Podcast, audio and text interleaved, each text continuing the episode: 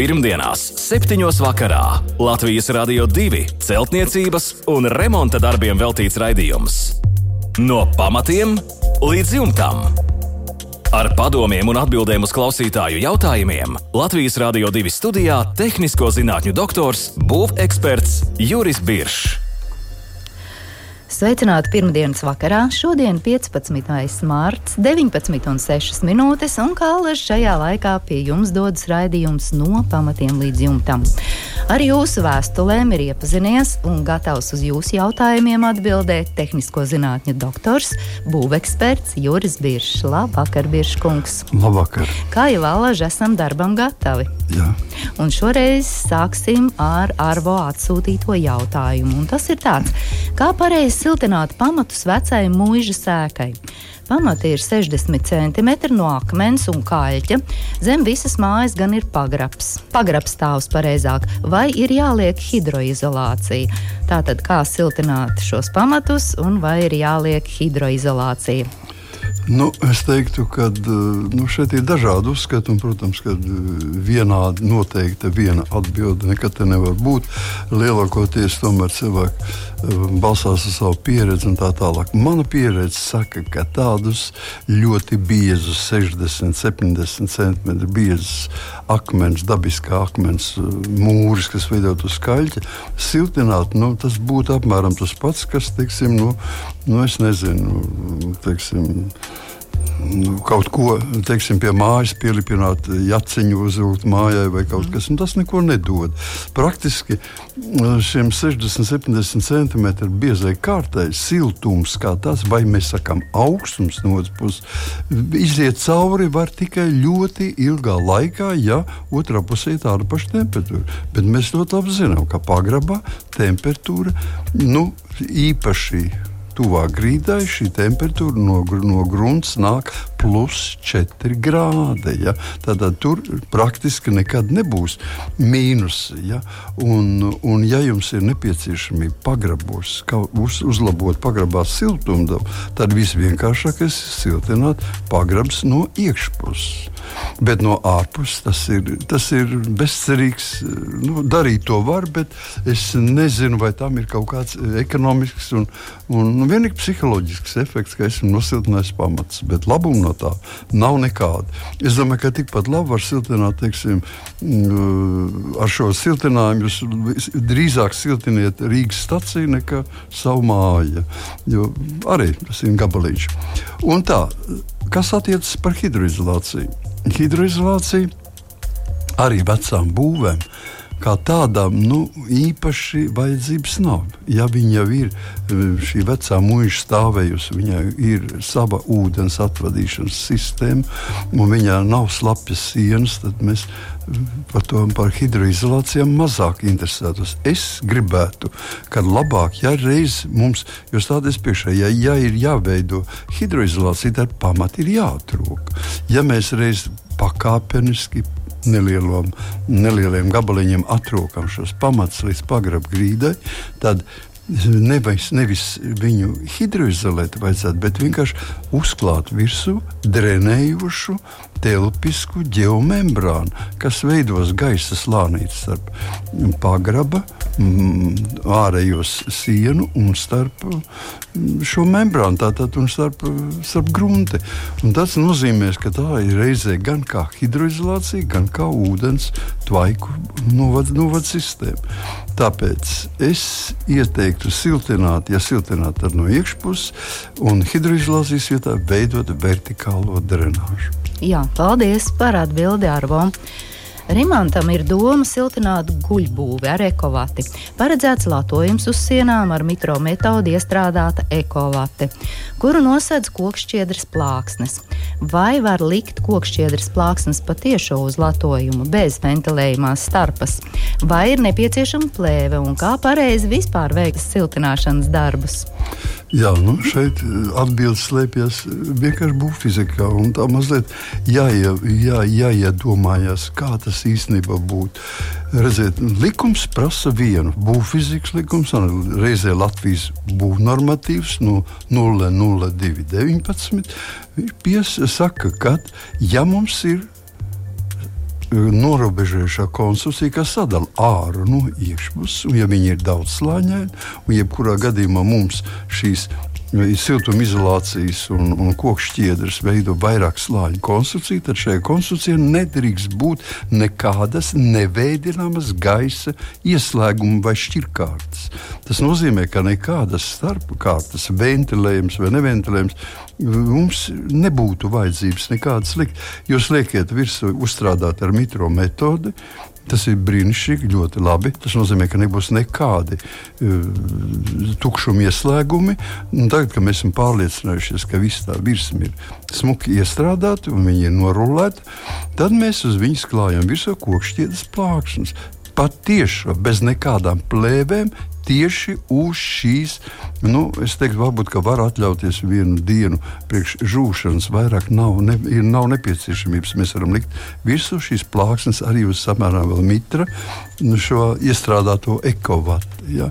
Jo šī siena strādās kā viens vesels, viņa ne, kondensās nekur ne, neizkritīs, bet atradīsies šajā pašā sienā un pamazām izžūs. Tā kā Un, ja mēs runājam vēl par siltumizolāciju ar šādu metodi, tad nu, praktiski es teiktu, ka viss jau Rīmāns ir pateicis. Jau tātad ir, ir mums telpa, uz telpas mēs uzstrādājam vertikālas latas, starp vertikālām latām mēs ies, uzstrādājam ar mitro paņēmienu ekovati uznesot virsū viņu teiksim, ar saspiestu gaisa palīdzību. Un pēc tam mēs ar elektrisko rullīti norullējam viņu. Viņi visi ir līdzeni, stingri un klājam virsū. Tāda arī šī tehnoloģija. Jā, paldies par atbildi Rimantam. Savukārt Ivaram ir jāmaina bituma dakstiņu jumts. Vai uz bituma dakstiņiem var likt metāla jumtu, nu nenoņemot bituma dakstiņus? Var likt virsū, bet tad ir jāņem vērā vairāki aspekti jāņem vērā. Pirmkārt, vienmēr jābūt skaidram, ka jumtam ir jumta konstrukcija jābūt elpojošai. Šajā gadījumā, ja jums jau ir bituma dakstiņa jumts, un ja viņš ir elpojošs, tas nozīmē, ka viņam gaisa pažobelē iet iekšā, iet par speciālu traktu, kas sadalīta ar, ar teiksim, difūzijas plēvi, gar jumta konstrukciju, iet uz augšu un iznāk ārā šis gaiss mm, caur kori savu rēkas kori, tad jums viss ir kārtībā. Jums jāvaram likt virsū metāla jumtu. Šis metāla jumts būs savā veidā, viņš ventilēs pats virs šīs bitumēna jumta, bet viss kopējā ventilācija ies pa kori vaļu. Jūs, jums atliks tikai atvērt kori un uzstādīt šo metāla jumtu. Bet katrā gadījumā tikai tad, ja ir nodrošināta šāda ventilācija. Ja šāda ventilācija nav, nu tad uh, viņi ir jāierīko vispirms. Mhm. Jā. Tā kā klāta var virsū, bet jumtam jābūt jebkurā gadījumā ventilējamam. Paldies par atbildī. Varam. Sandijs mums raksta, privātmāja divos stāvos. Vēlos ieklāt siltā ūdens grīdas. Pirmā stāva platība 90 km2. Estrihti ir lētāks, bet betons dārgāks, bet ar lielāku siltumnoturību. Nu, ko jūs ieteiktu izvēlēties, Biržkungs? Es teiktu, no lielākām nelaimēm vismaz vismazāko nelaimi. Jā. Kura tā būtu? Un tas būs šajā gadījumā ir eštriks. eštriks ir, kas ir eštriks? Ir smalgraudens, tāds betons, kam drīzāk sakot, jāba, ja? tāds smalgraudains betons, un viņš ir diezgan pasauss. Viņš nav plūstošs nekādā gadījumā, viņš nav plastisks. Viņš ir savs, viņu iesit, noblīvē, iesitot iekšā. Līdz ar to viņš satur mazāk ūdeni. Ja mēs lejam normālu. Tātad betonu, tad šis normālais betons satur kaut kur no vidēji 170 līdz 200 litri uz kubikmetru. Cienījamie cilvēki, jūs iedomājaties, jūsu mājā aiziet uz, ķī, uz ķīmiskām reakcijām, lai betons sacietētu, uz hidratācijas reakcijām aiziet 25% ūdens. Nu, pieņemsim, ka jums ir 200, tā ir ceturtā daļa Nu, Tātad 50 kg ūdens aizies uz ķīmiju, 150 kg aiziet jūsu telpā, ieiet jūsu mēbelēs, jūsu griestos, sienās un dažādās norobežotās konstrukcijās, kas izraisīs pelējumus un, jebkurā gadījumā, nu, dažādas alerģiskas novirzes. Par labu tas jums nenāk. Tāpēc es domāju, ka šeit tas, tas labums, ko mēs iegūstam tikai ar lieto betonu, ir nesalīdzināmāk mazāks. Jo eštriks ir brīnišķīgi labi noblīvēts. Eštriks ir ļoti lab, labs betons. Jā, paldies par atbildi Sandijam.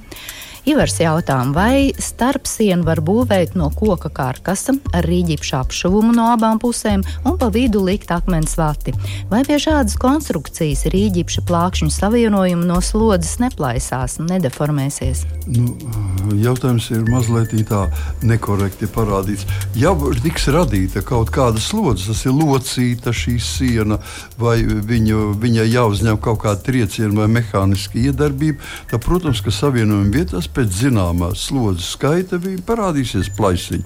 Mēs savienojam vietas tātad. Uh, nu, noklājam ar īpašu plasmas sietiņu, vairākās kārtās varam noklāt. Tādā veidojam tā, lai šīs deformācijas neveidotos. Un praktiski, ja mēs to mm, arī darām, viņš uh, tas ir speciāli sienu un mehāniski netraumējami, tad šīs plaisiņas parādās ļoti maz. Ja gadījumā runa iet šeit, es saprotu, iet runa par starpsienu. Ja? Jā, tā Bet, izskatās. nu, ja būtu griestos, tad ir vairāk uh, savādāk mazliet, jo tad griestos mums viss siltais gaiss un mitrais gaiss paceļās līdz griestiem, iet cauri ģipsim, un, un tur otrā pusē, otrā pusē uzkrājas viss vis siltākais gaiss un viss mitrākais. Un par cik tas gaiss sastāvs dažādi mainās, tomēr, nu, tad viņš visu laiku vai nu lielāks, vai nu izspiež uz ārā, vai mazāks, lielāks vai mazāks. Un pēc dažiem miljoniem reizēm šādas, šādām deformācijām parādās šī, šīs mazās plaisiņas. Lai viņas nebūtu, mēs liekam aiz virsgrieztiem liekam ventilatoru, kas strādā uz mitruma režīmu, uz mitruma sensoriem un regulējam mitrumu. Lieko mitrumu kas ir lielāks par 70%. Tad ir relatīvais mitrums. Mēs viņu nosūcām vienkārši. Tāda ir izēja. Jā, paldies par atbildību, varam, bet nākamā ir Edgara vēstule. Projektā 150 km2 mansarda tipa koka karkasa paneļa mājas būvniecībā ir paredzēta dabīgā ventilācija ar izvadi sanitārajos mezglos virtuvē un katla telpā. Uzklausot dažādus viedokļus, secinājām, ka ar to varētu būt par maz. Tāpēc plānojam istabās uzstādīt velko pieplūdes vārstus. Vai izvēle ir pareiza? Varbūt ir arī citas alternatīvas. Nu, tā ir tāda subjektīva pieeja. Es teiktu, ka ir ļoti daudz dažādas pieejas. Un, teiksim, apskatīsim tikai vienu vēl kaut pieplūdes vārsti, cik man ir zināms un cik es, es maz ar viņiem esmu e, saskāries. Viņi galvenokārt viņu dzinējspēks, kāpēc viņi var apmainīt gaisa māgu, balstās uz temperatūras. Temperatūras starpība. Ja? Tātad pie zināmas mīnus temperatūras viņi atverās, un tad viņi augot temperatūru temperatūrai laiž vairāk šo gaisu. Kas ir īstais dzinējs? Man ir grūti pateikt. Tas nozīmē, ka istabā jābūt arī kaut kur gaisa atplūdei, jo pats vārds tikai gaisu ielaiž. Kur noliek, kur paliek šis gaiss, man nav zināms. Tāpēc, teiksim, manā skatījumā, no daudz tāds uzskatāmāks un saprotamāks ir logos ierīkotie aereko tipa gaisa, nu, gaisa vārste. Ja? Tā, tātad viņi darbojas uz mitrumu, nevis uz temperatūru, bet uz mitrumu. Istabā ir lielāks mitrums kā ārā, vārsts verās vaļā vairāk. Ja mēs samazināsim mitrums, vārsts verās ciet. Un tātad šis mitrākais un siltākais gaiss izplūst, pēc tam augstākais gaiss ieplūst iekšā, bet mazāk mitrs. Ja? Tātad tur šī kustība ir caur vienu vienu vārstu, vai temperatūra spēja tikai uz vienu pusi, un kā mēs dabūsim to gaisu ārā ar pie vēl kaut pieplūdes vārstiem, man nav īsti skaidrs. Be, un arī vēl otrs tas, ka mums ir jāveido kaut kādas atveres sienos, sienās, kori, uz koridoru vai uz āru. Jāveido sienā ir caurums, kurā mēs ievietojam iekšā lūk šo, šo vārstu. Nu, logā, loga rāmī tas ir daudz, domāju, vienkāršāk izpildāms. Bet tā ir subjektīva mm, teiksim, nu, īpašība. Kādam patīk tāds un kādam savādāks. Pirmdienās, 7. vakarā Latvijas Rādio 2 celtniecības un remonta darbiem veltīts raidījums. No pamatiem līdz jumtam. Ar padomiem un atbildēm uz klausītāju jautājumiem Latvijas Rādio 2 studijā - tehnisko zinātņu doktors, būveksperts Juris Biršs. Un nākamo vēstuli mums ir atsūtījis Jānis. Daudz dzīvokļu mājas pirmajā stāvā, galējā dzīvoklī, pa griestiem jāvelk ir jauni vadi. Tie tiks paslēpti zem metāla profiliem. Uz profiliem būs rīģipsis. Griezti nav līdzeni. Ko tad darīt ar tukšumiem zem rīģipša? Jā, nu, jautājums ir diezgan tāds. eh, Es, es viņu vienkārši tā godīgi sakot, īsti nesaprotu. Tāpēc man ir grūti pateikt, jebkurā gadījumā, ja tiks noslēpts un paslēpti šie jaunie vadi, kādi vadi, ja tie ir ūdens vadi, tad viņus vajadzētu izolēt. Es saprotu, ka elektrības Nu, vadi. elektrības vadi, tas nozīmē, ka viņi, uh, tie varētu būt paslēpti siltumizolācijā. Tukšas vietas atstāt vispār nekad nav īpaši ieteicams, bet, ja tas atrodas telpā ar pozitīvu temperatūru tikai, tad varbūt arī viņš var palikt. Nekas ļauns no tā neceļās. Nu, griezt nav līdzāk, ko darīt ar tukšumiem zem eriģipša. Viņi ir jāizpilda. Visā gadījumā, ja es tikai pareizi saprotu, viņi ir jāpiepilda. Tātad viņus var pildīt ar ekovati, ar minerālu vati, ar akmens vati, ar stikla vati. Vienalga, vai ar ekovati, vai vienkārši, ja tas ir neliels daudzums, viņu var aizbāzt teiksim, ar pakulām. Nekas traks nav. Jā, paldies par atbildi Jānim. Kristīna jautā, vai simtgadīgu ķieģeļu mūra māju var siltināt no iekšpuses ar fibrolītu loksnēm, tās apšujot ar rīģipsi? Vai arī apmetumu. No ārpuses māju nevar siltināt, jo ir dekoratīvais mūrējums. Katrā gadījumā var to darīt. Mēs mm, tīšā prātā nedaudz atdosim no savas apzīmēs platības. Mm, Tātad tilpums samazināsies, bet darīt to var. To arī bieži dara. Un šai gadījumā, ja negribas zaudēt to dekoratīvo mūrējumu, kaut kādā veidā viņu aizsekt, vai, tad jā, tiešām to var darīt. Protams, ka fibrolīta loksnes mēs lietojam tikai tad, ja viņas jums ir un jums nav citur, kur likt viņas. Viņas nav efektīvs siltuma izolācijas materiāls. Viņas pat vairāk palīdz teiksim, akustiskām īpašībām nekā tik daudz siltuma izolācijai. Viņas daudz efektīvāk par viņām ir mīkstās kokšķiedra plāksnes, ekovate, kur var um, uzstrādāt, cik mēs bieži gribam. Tikai. Un visas ļoti daudzas vates, kuras šodien dabūnams, ir kūdras vate, un kaņepāju vate, un linu vate, un viss koka vate, un viss visdažādākie veidi tas ir daudz efektīvāks par fibrolītu. Bet mēs varam arī izmantot šo fibrolītu. Un tikai tad nevajadzētu viņu apšaut ar rīķipsi, viņu vienkārši apmet. Ja viņš ļoti apmetums ļoti labi turās uz fibrolītu plauksnes, ja viņam uzklāja virsū vēl plasmas sietiņu, tad viņš brīnišķīgi turās. Jā, paldies par atbildi Kristīnai. Irēna mums raksta, simtgadīgas mājas dzīvoklī ir nepieciešams pamatīgs remonts. Jāmaina elektroinstalācija, arī virtuves grīda. Daļa virtuves jāpārveido, lai izveidotu vannas istabu. Vēlos lūgt jūsu padomu. Ar ko sākt? Vai vajag projektu, kur griezties?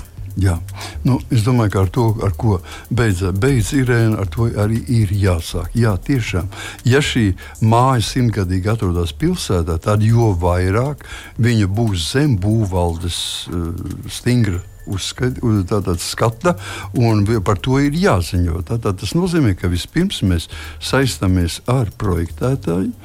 Tas nozīmē, ka vistuvākais jūs, jūsu pilsētas vai jūsu rajona mm, arhitekts, kuriem ir ļoti daudz šie, šie arhitekta nu, kantori, ļoti pietiekoši daudz. Un, teiksim, sākam izpētīt šo iespēju, veidot, mainīt, darīt, un kā jums tikai patīk. Tad, kad tas ir savstarpēji saskaņots, tad noteikti par to ir jāziņo nu, jūsu rajona būvvaldē. Un jādabūna atļauj, jo tie visi ir nu, teiksim, pamatīgs remonts. Tie visi ir būvdarbi. Un būvdarbi nevar notikt bez būvvaldes atļaujas. Tas ir viņiem varētu, varbūt tas nav visiem vajadzīgas skices vai kaut kādi rasējumi, bet atļauja rakstiskā veidā ir vajadzīga. Jā, paldies! Jautā klausītājs! Un nākamā ir Antonijas vēstule esam nolēmuši veikt stāvbūves mājai remontu. Koka grīda vietums ir nosēdusies un arī šķirbaini. Vasarā mājā mitrums, austrumu galas sienas, apakšējo daļu arī klāja pelējums.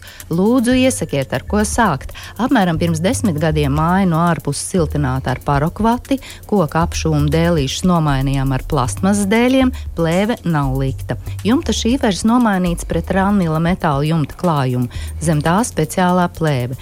Vai mūsu rīcība bija nepareiza, jautā Antonija, un ko jūs ieteiktu darīt? Jā, nu, cienījamā Antonijas kundze, es teiktu, es negribētu jūs apvainot vai jums kaut kas ir pareizi vai nepareizi. Tāpat no šī īsā stāstījuma pateikt, kas ir izdarīts un kas ir eh, konstatēts un vai pareizi darīts, to nevar. Ja jūs gribat tomēr pilnībā tikt skaidrībā ar to lietu, un ko tad nu vēl vajadzētu darīt, jo kaut kas jau ir pamatīgi darīts, jau apmēram pirms desmit gadiem jau ir sākti darbi, un tātad viņi turpinājās, jo cilvēks nav apmierināts. Tad acīm redzot, būtu jāuzrāda šī māja kādam no būvniecības būvinženieriem, lai viņš iztaigā un apskatās un izstāsta jums, jeb arī uzraksta jums šo slēdzienu kas būtu jādara. Šodien ļoti grūti ko teikt. Es teiktu, ka, ja reiz jums nepatīk šīs grīdas, ķerieties pie grīdām. Ja? Tātad, ja grīda ir augsta ar augsto pagrīdu, tā ir viena lieta. Šodien tādas vairāk nav modē. Mums vajadzētu pāriet uz grīdām ar silto pagrīdu, un tas ļoti stipri varētu mainīt jūsu mājas teksim, komforta apstākļus. Nu, un arī, protams, likvidēt šo mitrumu, jā, paaugstināto jā, mitrumu jā, procentu. Jā. Nu, tur vajadzētu tomēr uzmest skatienu inženieru skatienam un, un pateikt, inženieris pateiks jums, kur ir šīs nu, teiksim, tādas uh, vietas, ko vajadzētu pielabot. Problemātiskas, Problemātiskas vietas. vietas jā. Paldies par atbildi Antonijai. Andra jautājums ir skrūvēts metāla dakstiņš, zem tā trīsslāņu difūzijas membrāna. Andris saprot, ka pareizi nav izdarīts darbs, vai jumts ir jāņem nost, lai uzliktu kondensāta plēvi. Nu, ko darīt un kādi ir risinājumi? Jā, nu, šeit risinājumi ir bezgalīgi daudz. Tāpēc, kad viens jau vis, abas divas jau Andris piemin, tad, tad pirmais variants mēs noņemam nost un likvidējam šo difūzijas plēvi un klājam virsū, teiksim, tvaikizolācijas plēvi ar antikondensātu pamatu. Un tam mums viss sakārtojas tā atkarībā no tā, kā to prasa metāla dakstiņu jumts, kas tiek skrūvēts ar skrūvēm. Mēs varam to nedarīt mēs varam nedarīt, un tikai, e, tikai bailī, e, baidīties vai e, rūpēties, jo īpaši tajās dienās, kad mums ir paaugstināts mīnus temperatūras, tas ir pazemināts mīnus temperatūras. Kad būs mīnus 20 grādi, jūsu ēkai ir iespējams, ka šī difuzijas plēve nestrādā vairāk, viņa aizsalst, un tad mums radīsies problēmas.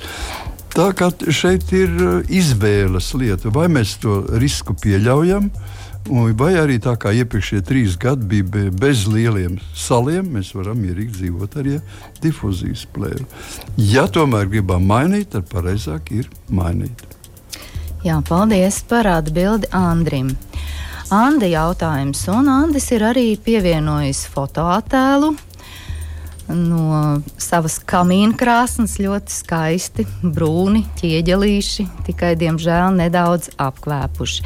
Andis raksta, pirms ziemas mājā no ķieģeļiem uzbūvēja kamīna krāsni. Lai krāsnes ķieģeļus pārklātu ar ūdens dispensijas laku, meistars ieteica no sākuma izkurināt krāsni, lai tā izžūst un viss ūdens uh, būtu pārstrādāts. Tad nobērst putekļus no ķieģeļiem un tikai tad uzklāt šo dekoratīvo laku. Kurinot krāsni un gaidot, kamēr ūdens no mūrīša izžūs, ap krāsnes muti izveidojās sodrēji, kurus vairs nu nebūtu viegli nevarēja notīrīt. Nu, kā Andim pareizi rīkoties, lai tiktu vaļā no šiem sodrējiem, tā lai tie neiestos ķieģeļos dziļāk un pēc tam varētu veikt šo ķieģeļu apstrādi ar dekoratīvo laku? Jā, nu, jautājums īpaši eh, viegls nav. Tāpēc, tas arī skar tādas pašas nelaimes vietas, kad kādas veidojas pēc mājas, nu, nedodies mājas ugunsgrēkiem. Ja, mēs bieži saskaramies ar šiem jautājumiem. Kā visvienkāršāk dabūt no šādām virsmām? Nu, šajā gadījumā tās ir ķieģeļu, keramiskās virsmas. No keramiskās virsmas, ja varam, dab, nevaram spēcīgi berzēt mehāniski, ja mēs varam ietraumēt virsmu, tad mēs dabo, varam dabūt viņu no jau esošo to, to um, kvēpumu. Ja viņš nav ieberzēts jau iekšā, mēs varam dabūt no siltu ziepūdeni. Ar siltu ziepūdeni apstrādājot, mēs dabūjam nost. Ko meistars nepateica pareizi. Pirmkārt, ja mēs klājam ar lakām vai ar krāsām, kuras ir caurspīdīgas, tad šādas virsmas nevis vajadzēja nobērst putekļus, bet vajadzēja apstrādāt ar hidrofobizācijas līdzekli. Vienalga, teiksim, ar Vincentam Polēm ir hidrofobs, ne, un, jā, un man liekas, arī vēl ir hidrofobs H2O, citām firmām ir savādāk nosaukumi, bet jebkurā gadījumā visi tie hidrofobizējušie šķidrumi. Ar šo hidrofobizējušo šķidrumu nostrādājot riņķī apkārt visur, kur varētu parādīties tvaiks vai, vai, vai šie kvēpi, tad nebūtu nekāda nekāda nelaime, ka parādās šie kvēpi. Tie kvēpi pēc tam viegli tiek nomazgājami nost. Jo apakšā ir speciāla šī mm, atgrūdošā, mm, hidrofobizējušā kārtiņa, kur ir caurspīdīgi, neredzama. Mm, aizsarga kārtiņa. Jā, nu, viņi ir aizsarga kārtiņa, bet viņi nosacīta aizsarga kārtiņa. Viņi neveido plēvi, bet viņi ir elektrostatiski. Viņi atstum nost visu to. Un tāpēc, teiksim, ar to nostrādāt, mēs varam droši darīt. Otrs, meistars ir vēl pielaidis kļūdu, teikdams jums, lai izkurinātu krāsni. Krāsni nedrīkst teikt, kurina izkurināt, bet tikai uzkarsēt. Tas nozīmē, ka jums vajadzēs strādāt ar papīru. Teiksim, izmantojiet malkas vietā papīru un vieglus skaliņus. Un pamazām iesildīt šo visu krāsu. Uzreiz liekam virsū un izkurinām krāsni. Mēs varam saplēst ne tikai sasprāgāt, var, sasprāgāt varēja un, un parādīties šūvis savienojuma vietās. Daudz dažādas nepatikšanas varēja rasties. Jābūt ļoti pirmajām reizēm, jābūt ļoti uzmanīgam. Tā tad viegls, viegli iesildīt krāsni. Pēc tam var nedaudz viņu teiksim, ar malkas skaliņiem pakurināt. Un, un tad vajadzēja arī viņu nostrādāt ar šo pirms tam ar, ar hidrofobu. Šodien jāmēģina viegli dabūt ar siltu ziepju ūdeni. Citu es neko. Ir vēl kaut kādi īpaši paņēmieni, bet eh, es nemāku pašreiz firmas nosaukumu nosaukt. Ja tas jāmeklē internetā, kas eh, nevis noņem, bet nu, palīdz. Noņem. Nu, tā kā balina, kā ķīmiski līdzekļi. Jā, jā, jā, tieši tā. Jā, paldies par atbildām. Līdz ar to arī šovakar raidījums tuvojas savai izskaņai. Raimonda un Sandras jautājums eh, noteikti apskatīsim jau nākamajā raidījumā pēc nedēļas. Bet šodien gribu vēlreiz jums atgādināt mūsu e-pasta adresi remonds at lr2.lv. Tur jūs varat iesūtīt savus jautājumus, varat arī to darīt, izmantojot mūsu Latvijas Radio 2 mājaslapu. Bet vēlreiz noklausīties raidījuma atkārtojumu varat mūsu Latvijas radio arhīvā un izmantojiet arī savas iecienītākās podkāstu platformas. Bet šovakar gan paldies klausītāji par jautājumiem, paldies Biržkungs par darbu, lai jums mierīgi mierīgs, jauks vakars. Visu labu! Tiekamies pēc nedēļas! Pirmdienās, 7. vakarā Latvijas Rādio 2 celtniecības un remonta darbiem veltīts raidījums. No pamatiem līdz jumtam. Ar padomiem un atbildēm uz klausītāju jautājumiem Latvijas Rādio 2 studijā - tehnisko zinātņu doktors, būveksperts Juris Biršs.